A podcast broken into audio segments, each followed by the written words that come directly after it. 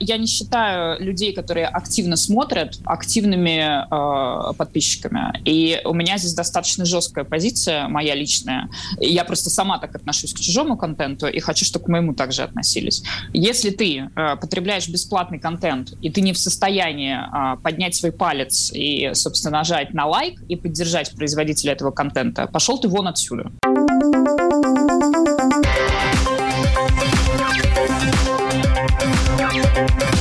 Поколение Z. Здравствуйте, с вами Марина Талапина, режиссер программы Даниэль Йоффе. И спасибо вам за то, что вы нас смотрите на Ютубе и слушаете в подкастах практически на всех платформах, включая Spotify, Google и Apple, ну и, конечно, на нашем сайте lr4.lv. И э, мы решили, вернее, сначала мы задались вопросом, что делать томными осенними, зимними вечерами в условиях коронавируса. Конечно, завести свой блог и писать. Эту тему мы уже поднимали не раз, и поэтому сегодня мы получили снова аудиенцию королевы нежного сарказма. Я рада представить девушку, которая о блогерстве знает гораздо больше среднестатистического писаки. Ника Набокова с нами на связи. Привет, друзья, я очень рада. Очень рада. И ассистировать, и задавать вопросы сегодня по, этому, э, по этой теме мне будут э, два приятных молодых человека. Андрей Милованов и Владислав Даниленко. Привет, ребята. Здравствуйте, привет. Всем привет. Вопрос, конечно, у вас есть, но первый задам свой вопрос я. Э, раньше, Ник, чтобы набрать популярность, э, было достаточно быть просто очаровательной, милой, э, ласковой или эпатажной персоной. Да? Сегодня нужны деньги скажем, как есть, имеются в виду социальные сети. Вот. Насколько реально получить подписчиков с нуля, просто публикуя свои мысли и фотографии? Ты знаешь, это на самом деле зависит от э, все-таки социальной сети, потому что у нас до сих пор еще все-таки неплохо работает с э, натуральными, скажем так, алгоритмами TikTok. Правда, это ну, до сих пор остается эта схема. В целом все неплохо, но э, нужно понимать, что вопреки вот этому расхожему, расхожему мнению про бездельников тиктокере и, и так далее, да, тиктокере. и, и значит, тиктокере, да, тиктокер, тиктокер четвертого разряда, знаешь. А, на самом деле э, достаточно сложно Э, делать хороший контент, который будет э, залетать, да, и при этом там условно не скатываясь в какую-нибудь трешачину, пожарьте носки, тогда у вас будет, будут миллионы рублей там и так далее. Вот. Э, поэтому это на самом деле такая, знаешь, типа full-time job, и, и это достаточно сложно. Если мы говорим, и там еще можно, да, то есть без денег в целом, если ты харизматичный, э, давай так, э, харизматичность это не врожденное качество. Если ты готов развивать в себе харизму, если ты э, готов, значит, пробовать разное, если у тебя там есть искренность, идеи, э, и ты, в общем-то, все это хочешь выдавать э, вовне, вот, э, в ТикТоке можно, можно, в принципе, сейчас хорошо еще пойти без э, вложений я имею в виду без вложений именно в сеть, но тебе придется вкладываться временем, тебе придется вкладываться мозгами, там тебе придется вкладываться реквизит минимальный для съемки и так далее. Если мы говорим про Инстаграм, то да, действительно ситуация э, в Инстаграме плохая. Вот. И э, э, развиваться там только путем контента сейчас невозможно. Увы и ах, то есть э, набрать там, то есть если там условно какое-то время назад ты мог дойти с нуля до какого-то количества, даже сотен подписчиков, тысяч, сотен тысяч подписчиков, то сейчас э, этот процесс, я не знаю, умедлился, наверное, раз в сто, и а, без вложений, а, связанных с рекламой через саму соцсеть, связанных, связанных с рекламой через каких-то других персонажей, связанных с какой-то сторонней рекламой, да, это, это задача совершенно нереалистичная. И в целом, в целом, руководство Инстаграма так постаралось, что в целом соцсеть для контент-мейкеров больше не, не дружественная зона, скажем так. И, в общем-то, именно поэтому большинство уже переориентируются там кто-то на TikTok, кто-то на YouTube, который сейчас тоже там активно поддерживает контент-мейкеров, а, кто-то еще на что-то, я не знаю, насколько популярно у вас в стране, но там в России хорошо развивается Яндекс.Дзен, для пишущих людей. Вот. И, э, в общем, ребята сделали все, чтобы от них отвернулись, и люди отворачиваются. И я в целом рада, да, что люди отворачиваются. Мстительно. Ребята улыбались и кивали. Они mm-hmm. тоже понимают, о чем идет речь. А почему улыбались, почему кивали? Потому что постепенно, как бы, когда начинаешь увлекаться, все равно, как бы, в любом случае начинаешь интересоваться, как и что. И да, об этом очень часто говорят, и так, скорее всего, и есть, да, то есть просто брать и вести страницу, даже, мне кажется, если прям стараться, да, это все равно очень тяжело, если, скажем так, даже возможно, да, ну, то есть, поэтому, скажем так, знакомая вещь, поэтому и кивали. Ну, я сам занимаюсь ТикТоком в Таварига, это наш молодежный э, СМИ. Да, сложно, но это возможно, и я понимаю то, что в ТикТоке как-то продвинуться можно за счет активности, каких-то идей, э, работы. Вот сейчас у нас снимается, вот на данный момент прям четыре человека выехали и снимают сейчас, пытаются что-то заснять, какой-то определенный контент. Да, там возможно, но с, тик... Ой, э, самим Инстаграмом там уже, да, проблемы. На Инстаграм уже никто не смотрит, даже никто не покушается. Не, ну э, э, там они сейчас пытаются же запустить вот эту историю с Reels, они пытаются ее раскачать, но проблема в том, что э, у них реально что-то происходит, видимо, в компании, потому что такого количества обвалов, охватов, собственно, ну, как бы, не было очень давно. Я не очень верю в Reels, хотя туда сейчас все тоже дружно ломанулись, но я скажу так, когда вот Reels только пришел, это было, мне кажется, ну, в Болгарии он условно появился у нас э, что-то типа, наверное, 8 месяцев назад. А, и поначалу он шел действительно неплохо. Сейчас охваты и в Reels начали, общем, благополучно падать, поэтому, ну, как бы, все странно. Все действительно странно, с одной стороны. С другой стороны, ты целенаправленно грозилась, и, я так понимаю, сделала, ты почистила своих подписчиков. Да, да, да, да. Я еще, я еще не остановилась. То есть у тебя было я под 800, начала. а сейчас ты, ты их серьезно очень почистила. Казалось да. бы, да? То есть, в принципе, ты просто убираешь мертвых душ или ты убираешь и реальных людей, которые не активны? Которые активно, может быть, тебя смотрят, но не лайкают, не, нет обратной связи? Ты знаешь, у меня э, э, я, я не считаю людей, которые активно смотрят, активными э, подписчиками. И у меня здесь достаточно жесткая позиция, моя личная. Я просто сама так отношусь к чужому контенту и хочу, чтобы к моему также относились. Если ты э, потребляешь бесплатный контент, и ты не в состоянии э, поднять свой палец и, собственно, нажать на лайк и поддержать производителя этого контента, пошел ты вон отсюда. И, э, собственно, ты мне, в общем-то, не интересен, ты мне не нужен, и э, потому что я считаю это матом нельзя, э, а жаль. А, я считаю это очень такой потребительской позицией, и мне очень грустно, что, в общем-то, это такая, ну, э, честно говоря, очень распространенная позиция. Вот, поэтому э, чистила я, э, ну, там, знаешь, там сервис, который чистит, там есть, э, ты можешь выбрать э, градацию людей, у которых очень много подписок, и я, в общем, убрала вот тех, у кого там, ну, которые лежат просто мертвым грузом, у которых там большое количество подписок, понятно, что они, э, скорее всего, в ленте доходят. Э, градации да, есть градация по активности, да. И вот мы их тоже э, вычищаем постепенно. Да, мы бахнули за последнее время, я говорю мы, потому что имею в виду э, команду, э, мне кажется, под сотню тысяч, да. сто тысяч мы брали, и, и это хорошо. Меня вообще как бы, ну, я не тот человек, которому нужно количество, мне нужно качество. А вот мне кажется, вот. ты тот человек, который задает э, темп, э, тренд э, и вообще, ну, дает ориентиры как идти, куда идти, потому что то, что касается социальных сетей, вот это вот сначала такое окунание есть такое слово в русском языке, да? Все окунулись? Окунание. Да, да, да. Окунание.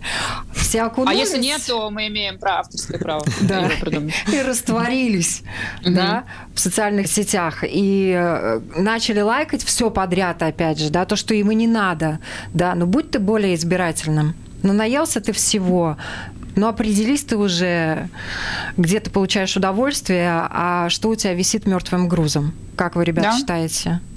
Ну, в принципе, да, так и есть. Ну, потому что достаточно много, да, людей, которые, ну, просто сидят одноразово, могут, там, не знаю, взяли на тебя, подписались, да и все да, то есть, ну, нет никакой отдачи. И... Но это же приятно, что на тебя подписались. Это приятно, то, что на тебя подписались, окей, Особенно если у тебя только одноразово. 10 подписчиков. Ну, А вот 11 а вот сотый. Возможно. Но когда ты постоянно постишь посты, у тебя остаются эти 11, и нет никакой отдачи, там просто поставить лайк, написать какой-нибудь комментарий, типа, о, круто, молодец, продолжай, мне нравится, это, ну, какая-никакая уже отдача. Хотя под одного Ну, человека. типа просто показать, что я здесь. Да, да, да, да, да, знаешь? именно. Потому что иначе вот возникает вот эта вот история, что ты такой, знаешь, что ты делаешь, и э, а постоянно обращаешься к какой-то ну, массе, у которой нету лиц, ты не понимаешь, кто это, кто эти люди, что там вообще, они вообще живые, они не живые, что происходит. И это в целом достаточно демотивирующая история. И мне, честно говоря, знаешь, я всегда так думаю, что было бы круто, чтобы вот каждый человек, который, ну вот условно, да, там люди в социальных сетях делятся на тех, кто контент делает, и на тех, кто контент потребляет. Ну, давай честно, в общем. Конечно. Вот. И мне очень хочется, знаешь, чтобы хоть раз, вот реально, хоть раз те, кто относится к стану э, смотрящих, а, они бы вот что-нибудь бы сделали, что-нибудь бы вот в- прям заморочились бы, знаешь, там человек сидел, там типа писал, снимал, да, вчетвером где-то что-то. Выдали бы это и получили бы э, вот это вот прекрасное ощущение, что я что-то делал, вы здесь, я вижу, что, это, что вы это видите, да, то есть я же по статистике, мы же видим, что ну, люди видят, и люди там, мы видим в целом, что это одни и те же люди, например, они смотрят, они не дают себе никакую обратную связь. И вот я думаю, что если э, эти люди прекрасные, вот они пройдут этот опыт, им станет понятнее, о чем, в общем-то, все контент-мейкеры э, постоянно говорят. И почему мы так говорим, мы, мы так много говорим, что, ребята, пожалуйста, ваши реакции это важны, это, это важно, ваши реакции это важно, да-да-да-да.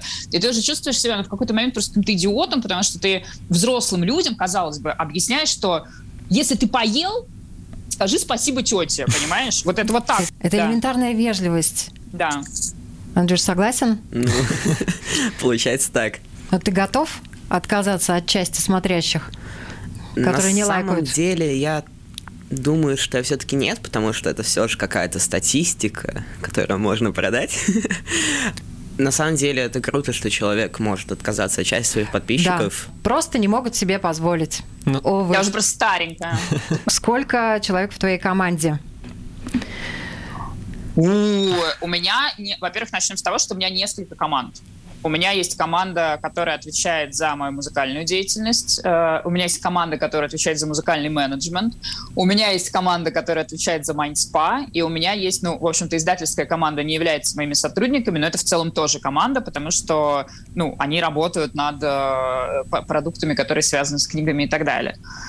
А, В команде Mindspa, если мы берем по всем странам суммарно, то есть мы берем психологов, технарей, а, этих э, СММщиков э, э, и, и кто там еще, ассистентов и так далее, то там, ну, я думаю, что порядка 30-40 человек, что- что-то вот такое. Кто-то это ну, постоянная работа, постоянная занятость, кто-то это, ну, кому мы платим, грубо, грубо говоря, за проект. То есть это, это, это такие э, люди, которым мы даем проект, они делают и, и так далее. Но они являются, в общем-то, частью команды, мы их считаем частью команды. А, моя э, команда, которая занимается музыкальным менеджментом, это 4 человека, э, и моя команда, которая занимается э, музыкой как продуктом, я имею в виду, пишем, записываем, работаем с моим голосом, э, с моей хореографией и так далее. Это э, четыре, по-моему, человека. Да, ну, наверное, да, 4-5. Ну, это действительно махина, это такой мини-заводик, мини-фабрика. Но, но нужно понимать, что условно на зарплате у меня, конечно, издательство у меня не на зарплате, это понятно. На зарплате у меня вот Mindspa команда и, и, все, и все музыкальные мои команды, обе две. Понимаете, на самом деле, что сегодня это действительно, если вы хотите участвовать в этом, то вам нужна хорошая, солидная поддержка. Конечно, на начальном этапе, в 16 лет, это могут быть твои соратники, союзники, вы можете пахать бесплатно за интересы, кушать у мамы с папой, правильно? Но э, все равно у вас какие-то дальние идущие цели должны быть, вы их преследуете, правильно? Четыре человека зачем-то поехали, они же не только ради сегодняшнего хлеба насущного и лайков поехали. Не, ну план, конечно, есть, но люди поехали ради опыта. И это очень круто, что у нас есть в команде люди, которые ради опыта и чисто ради интереса готовы что-то сделать, это, ну, что-то по типу придумать и заснять, и еще, может быть, смонтировать. А, ну, как пойдет. Но, да, это очень круто, что есть такие люди, и пока продолжаем работать. Допустим, я, так скажем, придерживаюсь такой методики, так как, в принципе, в команду мы берем, ну, достаточно многих людей практически, мне кажется, всех, да, потому что у каждого человека могут быть вот прям гениальные идеи. Вот просто нереальные. И у меня часто задают вопрос, за это платят? Я говорю, ну, ребят, ну мы только начинаем. Да? А, а сколько лет тем, кто задает вопрос? По-разному. Но в основном это люди от 15-16 лет. Да, то есть, ну, люди уже, которые... Ну, которые уже знают да. цену деньгам. Вот. И я говорю то, что мы ждем результата. Пока результата нет, естественно, мы с этого и получать ничего не можем. Когда мы уже видим результат, э, мы можем и предлагать уже не только, допустим, просто съемка сторисов, да, мы можем, если у нас есть качественный оператор, качественная съемка и тому подобное, мы можем и предлагать какой-то продукт кому-то. И Но... за это, естественно, получать деньги.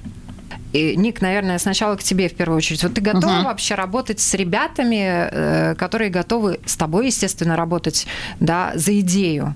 Не ради денег, а ради опыта. Тут такая штука. Я все-таки придерживаюсь мнения, что работа должна оплачиваться, и эм, что все-таки у человека больше мотивации тогда, когда он э, получает оплату за свою работу. Вот, поэтому у меня нету людей в команде, которые работают за идею. И когда э, там нам пишут, что типа, ребята, вот так хочется к вам, пожалуйста, возьмите, возьмите, э, я буду работать бесплатно, э, для меня это показатель, что человека брать не надо, э, потому что он себя обесценивает. Ровно так же, когда нам, нам, ну, там, мне, например, скажут, что, условно, не знаю, я хочу делать сторис, я стою миллион рублей, я тоже не возьму, потому что сторис не стоит миллион рублей, и я это хорошо понимаю. Да? То есть э, для меня это две такие неадек... неадекватные позиции. Но нужно понимать, что у меня другие совершенно возможности, э, и, и, и понятно, что я могу себе позволить не брать на работу тех, кто хочет работать бесплатно. Вот. Но, но меня это всегда настораживает. Поэтому а, если э, мне, мне не важно, сколько человеку лет, мне не важно а, условно ну там, какой, какой человек национальности, вероисповедания, ориентации, я не знаю, сексуальной и так далее. Мне важно, чтобы у человека были мозги, ответственность, и чтобы мы совпадали по ритму. И вот если э, там ко мне придет, например, 15, 16, 17-летний человек и скажет, слушайте, ну вот я вот тут типа круто делаю вот это, и мне действительно покажется, что он делает круто, и я его протестирую на предмет ответственности и пойму, что он действительно круто делает, я предложу ему денег. И эти деньги будут зависеть не от того, сколько ему лет. Это, эти деньги будут зависеть от того, э, сколько он может делать. А самый молодой человечек в твоей команде? Такая плохая, такая плохая это на цифры. А, но я думаю, что 24, может быть. Угу. А самый пожилой? Пожилой, ну что-то так, моих женщин. А, ты знаешь, самый взрослый, я, честно говоря, даже самый зрелый. Я даже не знаю, мне кажется, ну, может быть, 45 может быть, 45, да. Я не знаю, реально, кстати, я реально не знаю, сколько лет моим... Я знаю, когда у них дни рождения, потому что мы их все... Ну, честно, не я, моя ассистентка этим занимается. Не потому что я э, баба сноп и такая, типа, так, холопы мои, а потому что меня просто... Я свой день рождения забываю. Я вот полностью согласен с двумя вещами. Это то, что, во-первых, работа должна оплачиваться, и неважно, сколько лет человеку, если он профессионал, он, ну, он и есть профессионал. Почему нет? Как бы, если придет человек, которому, да, предположим, 45, но он будет нереальным профессионалом, который готов работать, почему нет? я согласен, но мне очень нравится сама логика того, что неважно сколько лет, очень много, очень часто видел людей, которые, ну, окей, ты еще не так много знаешь, там, да. три года, еще потучишься, и потом уже посмотрим. Лично у меня вот такое было на моей ну, так скажем. Когда я увлекаюсь звукорежиссурой, да, и мне говорили, да ты еще маленький, ты ничего не понимаешь, вот давай ты не будешь лезть, и все, вот, ну, не твое. Вот подрастешь, будешь как я, тогда вот поговорим. А сколько было человек, который тебе это говорил? 30, в районе того что-то. Ну, то есть, ну, не знаю, Это такой стереотип, мне кажется. Особенно Ох. на данный момент. Ну, это действительно такая какая-то вообще байка заблуждения, Да, жестко. Вот, ребят, вообще ну, понятно, это работа, это на- надо вкладывать силы, если есть деньги, надо вкладывать э, деньги, и если ты хочешь заниматься этим профессионально, то по-любому без ресурсов не обойтись. Но есть очень э, разные направления в социальных сетях, и мне сейчас интересно узнать вообще вот детские блоги, э, которые ведут детки мимимишные 5-6 лет на Ютубе, например, да, распаковки там различные с родителями 5-6-летние. Как вы к этому детскому труду относитесь, эксплуатации детей, их же родителями чаще всего? Это очень интересная тема, потому что лет, наверное, пять назад это просто каждое второе видео в рекомендациях, это э, какие-то распаковки киндер-сюрприза. О, да. Э, Ну, не только там игрушки. Ну да, да, да, да, да. Но очень сильно напрягало, когда это всегда было в рекомендациях. Потом это YouTube очень сильно банил. А потом они вообще сделали YouTube Kids, которым мне очень нравится, просто потому что а, они как-то нашли. Ну, очень много было людей, которым не нравилось то, что детский контент, ну вот это все, может какая-то эксплуатация, там ребенок вообще не будет расти, развиваться, просто снимай видео, снимай видео. А, поэтому сделали детский YouTube, где там их уже можно эксплуатировать, да. А, и на- у меня вот в ТикТоке очень часто попадается там мальчик три года, и он просто катается на какой-то машинке, это э, отец, там, человеку сколько там, 30-35 лет, он пытается выдавить из себя детский голос и пытается его озвучивать. Это очень интересно бывает, но это очень пугает иногда. Я не знаю, я могу сказать так, то, что я сам смотрел такие видео. Иногда это на самом деле интересно.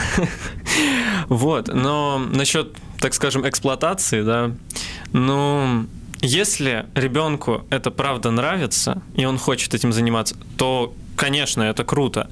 Если это эксплуатация реально, то есть родитель, скажем, э, говорит, так, все, мы идем Что с у ним. нас съемки Да, да, да, да, да. Все равно, чем ты занимаешься, у нас съемки. То это, ну, такое себе. Ну, то есть должно быть так, то, что это должно быть интересно как бы и ребенку, и... Дети не ведут блоги. Да. Нужно понимать, что любой детский блог — это родительская история, это, это ведут родители. И дальше действительно все зависит от того, насколько родитель в своем уме. Как правило, а, если мы говорим про какие-то суперуспешные а, детские а, блоги, то родитель там не очень-то в своем уме, потому что, ну, опять же, для того, чтобы блог стал суперуспешным, нужно очень много вкладываться в смысле производства контента, съемок и так далее. А хорошо ли это для ребенка? Э, э, Я скажу так. Мой ребенок будет читать книжки, играть в фонтане. Он не будет, э, он не будет сниматься на Ютубе, он не будет, ну, в его, когда подрастет, вот станет подростком, вот будет ему там типа 12 лет, я не знаю, скажет, хочу Ютуб, иди вообще, хоть что хочешь, только детской порнографией не занимайся, вот, а там, пожалуйста. Потому что просто вот сколько я видела таких родителей и, и таких э, проектов, там всегда про э, такую нереализованную какую-то родительскую историю, то есть человек сам для себя не особо реализовался, вот он теперь из ребенка что-то лепит.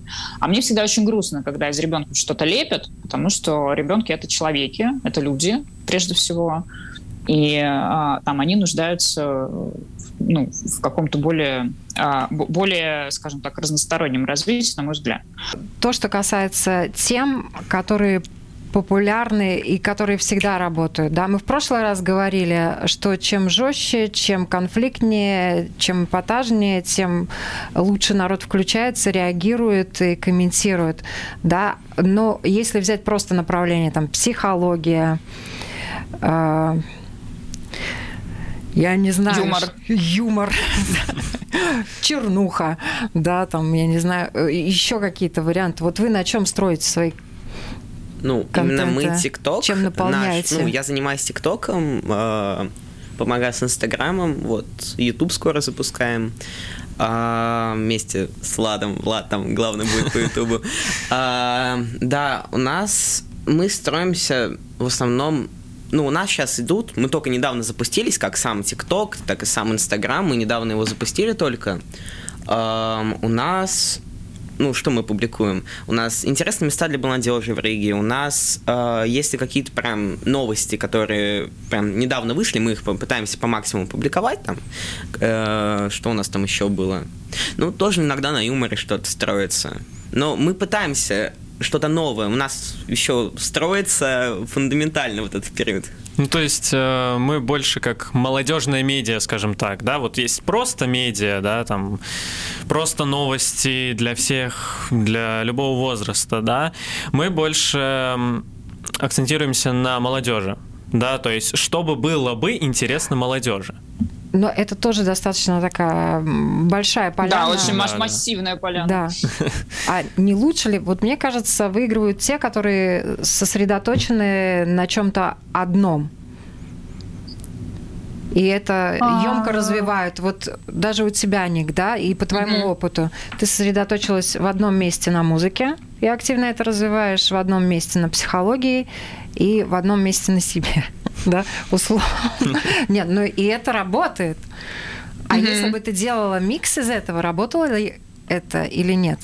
А, ну, смотри, мы сейчас все-таки э, убрали там, грубо говоря, отдельный музыкальный аккаунт. И все равно остался просто мой э, основной аккаунт, мой большой аккаунт, который, в общем-то, по сути является сейчас э, аккаунтом личности личности, которая пишет, личности, которая поет, личности, которая много чего знает о жизни. Давай, давай так это называть. А, есть отдельный аккаунт MindSpa, который чисто психологический, он прекрасно идет. А, его делаю тоже я контентно, вот, но ну, ведут его уже другие люди, да, там сторис, ответы на вопросы и так далее делают другие люди. Я просто отвечаю за контентную политику, по сути.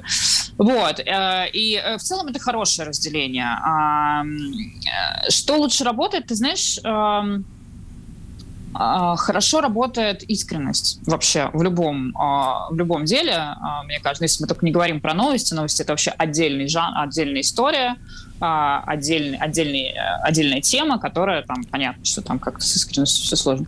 Вот. А, так, в целом, в социальных сетях хорошо, в социальных сетях хорошо работает искренность, юмор. Я считаю, вообще, на самом деле, на первом месте, конечно, это юмор. То есть, если вы занимаетесь юмором, и вы умеете делать юмор, то в целом все будет прикольно.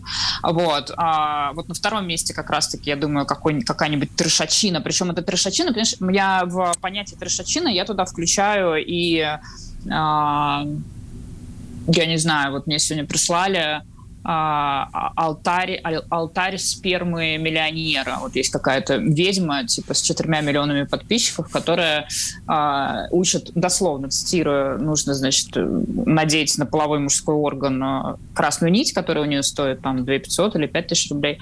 Вот. И что-то там сделать, получить, собственно, семенную жидкость от этого мужчины, куда-то положить на какой-то алтарь, и он, значит, вас станет миллионером. Ну, короче, вот такое. Вот. А, это и входит в формат решачина люди, которые живут исключительно на скандалах, там, я не знаю, серии «Инстасамка» и так далее, потому что для меня ну, музыкальным персонажем не, не, не очень-то является, мне кажется, больше там про хайп историю.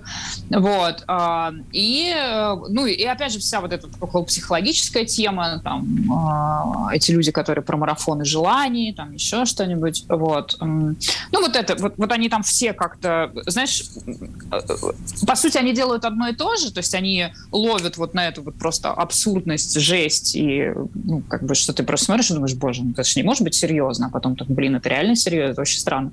Вот. А, просто в разных а, вариациях.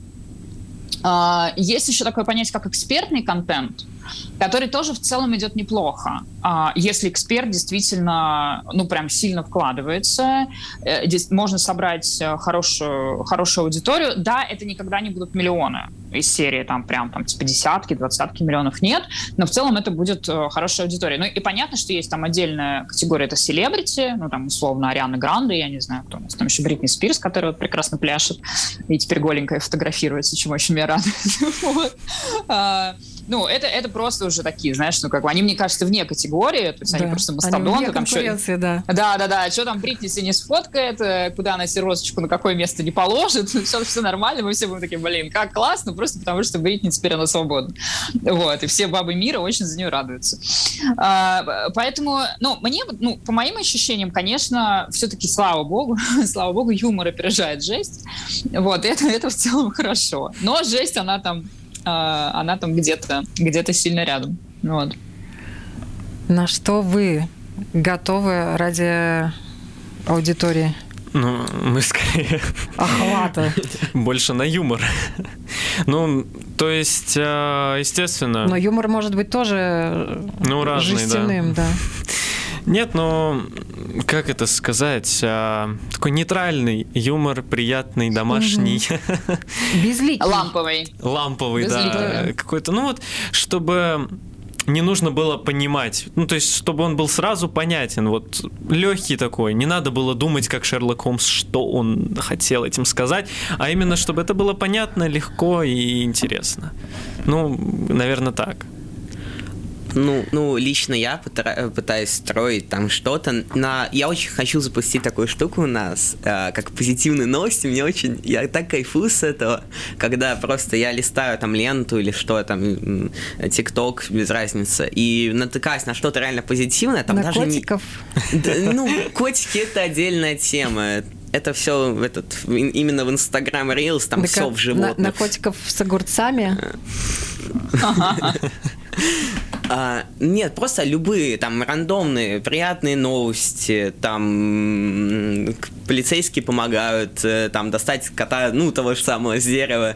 А, ну, вот что-то реально позитивное, и я очень хочу запустить то же самое, потому что я думаю, ну, то, что это мне лично поднимает настроение прям люто, и мне это нравится, и я бы очень хотел это запустить. Я именно хотел бы что-то на позитиве, ну, никакого трэша, чтобы там не было, там, да, может, что-то на юморе, э, но я хочу что-то именно, ну, типа, приятное запустить такого плана. Шокировать народ не готов. Да? Э, Позитивные новости это прекрасно, на самом деле, классная очень идея. Единственная, единственная проблема, с которой а, предстоит вам столкнуться, а, это отсутствие таких новостей в большом количестве, к сожалению. Потому что, потому что мир, в котором мы живем, э, понимаете, такая история, что вот эти новости, они нас так цепляют, потому что их реально очень мало. А, Может, посмотреть, есть такой проект, по-моему, э, есть такой портал Лента, Да, лента.ру. знаю, знаю. А, вот. И у них есть как раз-таки лента добра. А, Если ты зареген в Твиттере, посмотри их в Твиттере, вот они как раз-таки генерят, то есть они собирают э, вот эти вот, ну, добрые новости. А, в целом, э, это классная история, просто проблема в том, что их реально очень сложно найти, эти, э, ну, мир, потому что не очень добрый, поэтому, к сожалению. Спасибо. А тебе часто вообще обращаются как за советом ребята начинающие? Слушай, может, они, конечно, часто обращаются, я просто не читаю я просто не читаю директ, у меня же такая тоже очень четкая позиция, что а, я не позволяю, то есть у меня очерчена граница, я говорю, мне в директ писать не надо, пожалуйста, ну, это люд- людей не останавливает, поэтому я просто удаляю, а, удали, э, и, в общем-то, не читаю, потому что ко мне, конечно, мне кажется, чаще все-таки обращается вот эта вот история про «мне изменяет муж, скажите, что мне делать?» А, Можно подумать, я знаю, что мне делать. А, И как-то так. В целом, я думаю, что нет. Ну, как, таких вот, знаешь, не наблюдала я у себя какого-то большого количества я, я просто, видишь, во-первых, я не очень молодежный проект, то есть у меня немного э, э, тинейджеров в подписках. На Хотя я очень деле люблю много. подростков. Ну, Много, да? Может быть, да-да-да, может быть, э, они как раз из смотрящих. Может быть, они тихие смотрят- просто. Они, они тихие, да. Они Но, может, может, ты знаешь, может быть, во-первых, тихие, во-вторых, скорее всего, что они действительно как-то больше про границы, то есть если им сказали не писать директ, они не пишут, то есть, может, они нормальные. Ведь я, на самом деле, я очень верю в э, сейчас это, конечно, так прозвучит, в молодежь. Странно, странно это говорить. Я имею в виду, как-то я так сразу себя чувствую еще на сто лет старше. Я очень люблю подростков, очень. И когда я еще работала а, как психолог, а, я прям, мне хотелось поп- попробовать освоить подростковое консультирование, потому что мне очень важно, чтобы а, родители, блин, по-человечески относились к своим детям, а, и как-то хочется, чтобы вот, ну, И э, абсолютно с тобой согласна, присоединяюсь к каждому слову. народ очень интересный, и у них есть чему учиться. Вот это вот э, такая перверсия, да, ну, как бы, казалось бы, ну, э, э, чему ты можешь, молодой, зеленый, меня научить? Можешь. И есть еще такой вопрос. Э, помнишь, я тебе обещала блиц? Да. А я его подготовила. Да. Итак, блиц-опрос. Ники Набоковой. Что для тебя работа, что для тебя хобби? У меня вообще нет хобби, у меня все работа. Я человек, который э, из всего делает бизнес, из всего делает деньги. Число подписчиков, которое тебя удовлетворит? Миллион. Твое любимое блюдо, которое ты не умеешь готовить? Суши. Самый страшный сон наяву? А, э, ситуация с пытками в российских тюрьмах. Сорян. Любимое животное, мой следующий вопрос. Любимое животное? Э, я одинаково, я на самом деле реально одинаково люблю собак и кошек. А, противное животное? Змеи. А человек это животное? Хуже. Кому ты готова подарить миллион? Рублей? И евро. Евро? Я готова... А, я думаю, что это кто-то, э, кто-то из моих близких, но кто конкретно, прям так сразу не скажу. Надо подумать, надо выбрать. Но скорее сестре. Вот у меня был вопрос такой, наверное, многих интересует, с чего начать? Вот, вот, ну, вот мы начинаем, вот мы начинаем YouTube, TikTok, вообще, вот, ну, начинание в этой сфере, с чего посоветуете начать, к чему, э, к чему, на что обратить внимание? А, я э, вообще любое дело, неважно, это социальные сети, это что-то другое. Я всегда э, рекомендую начинать э, с нескольких вопросов себе. Первый вопрос — это э, что я хочу путем своей деятельности принести в мир, что я хочу путем своей деятельности сообщить людям. Вот я хочу, чтобы через мою деятельность люди поняли, что получили, что, я не знаю, испытали что. А второй вопрос, зачем мне это надо? А, и чем более конкретными будут ответы, тем лучше. То есть, и неважно, не надо оценивать эти ответы. Нужно просто, чтобы они были. Если там мне это надо ради бабла, значит, мне это надо ради бабла. Хотелось бы тогда понимать, ну, ради какого бабла. Если мне это надо ради э, того, чтобы меня любили, вот там есть, да, там человек, я хочу быть знаменитым, чтобы меня все любили. Тогда надо разобраться, ну, как, ну, окей, да, там, как ты будешь понимать, что они тебя любят. Вот, если это для того, чтобы там быть в безопасности, там условно организовать себе какое-то пространство, вот, которое потом обеспечит мне какую-то безопасность, ну то есть э, неважно какие-то ответы хорошие, нету там ни хороших, ни плохих ответов, там есть просто четкое понимание, зачем мне это надо. А, вот и третий вопрос действительно такой очень хороший, что ты готов э, делать конкретно, ну, как бы делать э, ради того, чтобы состоялось вот то, то, что организовал. Когда я говорю, что ты готов делать, это действительно а, вопрос, ну, грубо говоря, ценностный. Андрей. Ой, как привлечь себе аудиторию? Какой метод самый действенный? Ну, окей, э, мы говорим, была речь о ТикТоке, то, что если там mm-hmm. что-то, какие-то алгоритмы зайдут, э, окей, но не все новости могут зайти. Может вообще, там алгоритмы вообще как-то непонятно работают, они как-то, mm-hmm. они какие-то есть, но как бы их и нет.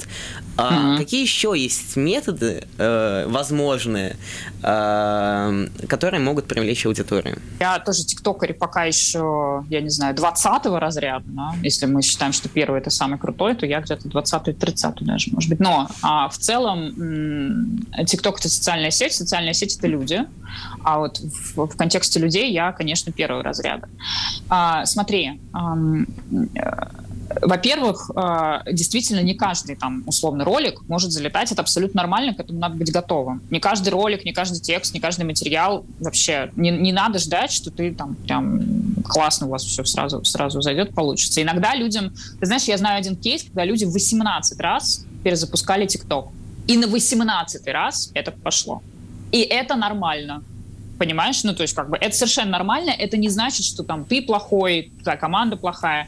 Это значит, что просто, ну, нужно заходить с разных сторон. Иногда бывает так, что какая-то идея, то есть ты подаешь сначала по одному, ее люди не вкуривают. А ты потом ее немножко переупаковываешь, и ее люди вкуривают. Вот, это первое. Второе. Мне кажется, что супер важна насмотренность вообще в любом деле, особенно в деле, связанном с визуальным контентом очень важна насмотренность. Это касается и того, и подачи. То есть ты смотришь, например, на тех, кто тебе нравится, и э, выписываешь, почему тебе это нравится. Ты отмечаешь для себя, что меня цепляет. Это, это очень важно, потому что когда ты понимаешь, что цепляет тебя, тебе проще делать контент, который через тебя зацепит, ну, потому что все равно к тебе придут те люди, а, которых, ну, с которыми ты на одной волне, условно, да, то есть их будет цеплять то же самое, ну, что и тебя, по сути. Вот, и поэтому а, можно просто там, у меня вот есть такая даже прям заметка, и это не плагиат, это совершенно нормально, когда мы смотрим на чью-то работу, такие думаем, блин, круто, мне нравится идея, и я бы эту идею сделала бы вот так. И то есть ты берешь э, то, что залетело, переиначиваешь по-своему и делаешь по-своему. И это нормально, потому что все уже до нас придумано. До тебя придумано, до меня придумано, и до всех, кто до меня начинал, тоже все уже придумано. Просто мы каждый раз через себя пропуская, у нас получается уникальный материал. Поэтому насмотренность, наслушанность, а, там и в формате монтажа это тоже очень важно, это, это, а, это обязательное условие. А, коллаборации — это хорошо.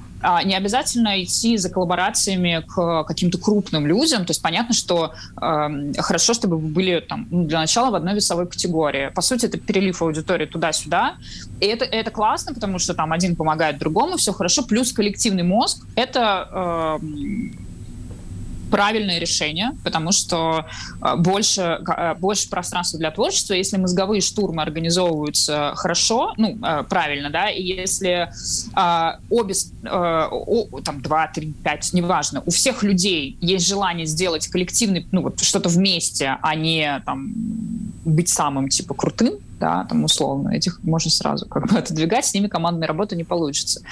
Вот, это, это круто работает. А, по поводу рекламы, э, насколько я знаю, в ТикТоке пока нельзя рекламировать, э, по-моему. Может, я ошибаюсь, может, уже можно. А, мне кажется, уже можно. Короче, что-то там можно, да, что-то можно уже. Ну, видимо, это все-таки отдельные а, ролики именно ты продвигать, по-моему, не можешь еще. Вот. А, ну, то есть пока там, условно, таргетированная реклама не, не алло, но она в целом может и не понадобиться. Она да? есть, Честно... есть. Вторая... А, есть В ТикТоке есть реклама, я знаю то, что ее запустили ой, уже больше, чем в восьми государствах Европейского Союза она точно есть. Я видел mm. очень много. Листаешь, а там у тебя реклама определенных там курсах по, нара... курсах по наращиванию ресниц. Там, Не, которые... вот это да, да. Я имею в виду, чтобы можно было продвигать определенный ролик, типа. Мне кажется, я думаю, я, я думаю, это, это можно. Есть. Я думаю, да, тоже это есть, можно сделать. Там можно, а, ну, ну, то же самое, можно просто в зависимости, продвинуть. может быть, от стран где-то пропускают, где-то не пропускают. Может, но да, может, может быть, да. Но в целом, мне кажется, что это самый крайний вариант, честно. То есть э, я как-то вот человек, который э, верит, в, по крайней мере, в контексте ТикТока, я верю в то, что э, с хорошим контентом, с какими-то хорошими коллаборациями, э, с, с насмотренностью, со свежими идеями, э, пока еще есть шансы, не вкладывая какие-то огромные бабки, э, начать двигаться. Потом уже понятно, что если там ты уже переваливаешь за какое-то количество, ты хочешь уже больше, больше, больше, я, я не знаю просто ну, как бы какие цели, какие амбиции. И это тоже, кстати, очень важно для себя прояснить. То есть сколько я хочу и реально ли то, что я хочу. Потому что, да, нужно понимать, что новостной канал, а, если только это не, опять же, не какая-то супер юморная история, то есть ну, а у вас, я так понимаю, там Антон Лапенко не работает, грубо говоря, да, ну, в общем, а, а, и Саша Гудков тоже. не, не, не. Если у вас там амбиции все-таки зарабатывать потом на этом, то вам важно качество аудитории, а, действительно. И вот ты там, знаешь, такую фразу сказал, очень опасную для бизнеса, я хочу просто это тебе подсветить. Если ты планируешь, а, а я так понимаю, ты планируешь продавать а, рекламу у себя там, ну, в своем медиа, подхода а, мне нужно больше, и неважно, какого это будет качества, у тебя быть не должно. Потому что у тебя один раз могут купить рекламу за количество подписчиков, и если твои подписчики не активные, если это не сработает, если они не придут, у тебя не купят рекламу второй раз.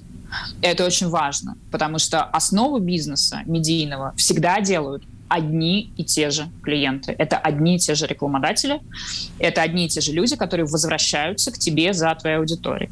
Поэтому э, сейчас в медиазакупках э, есть все-таки тренд на то, что мы смотрим не на миллионы, мы смотрим на охват, мы смотрим на вовлеченность, и мы смотрим на то, как конкретно наш продукт э, заходит вот этой вот, то есть насколько эта аудитория активно берет наш продукт. И чаще всего выбор делается в сторону блогеров э, с маленьким количеством э, подписчиков, но с э, хорошим ричментом. Потому что иначе зачем все это? Спасибо еще раз большое. Сейчас уже такое большое, искреннее спасибо.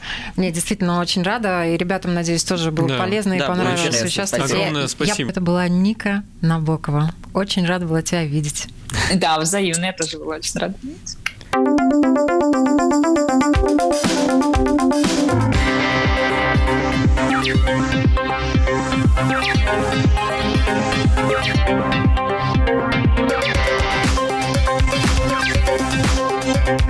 Поколение Z.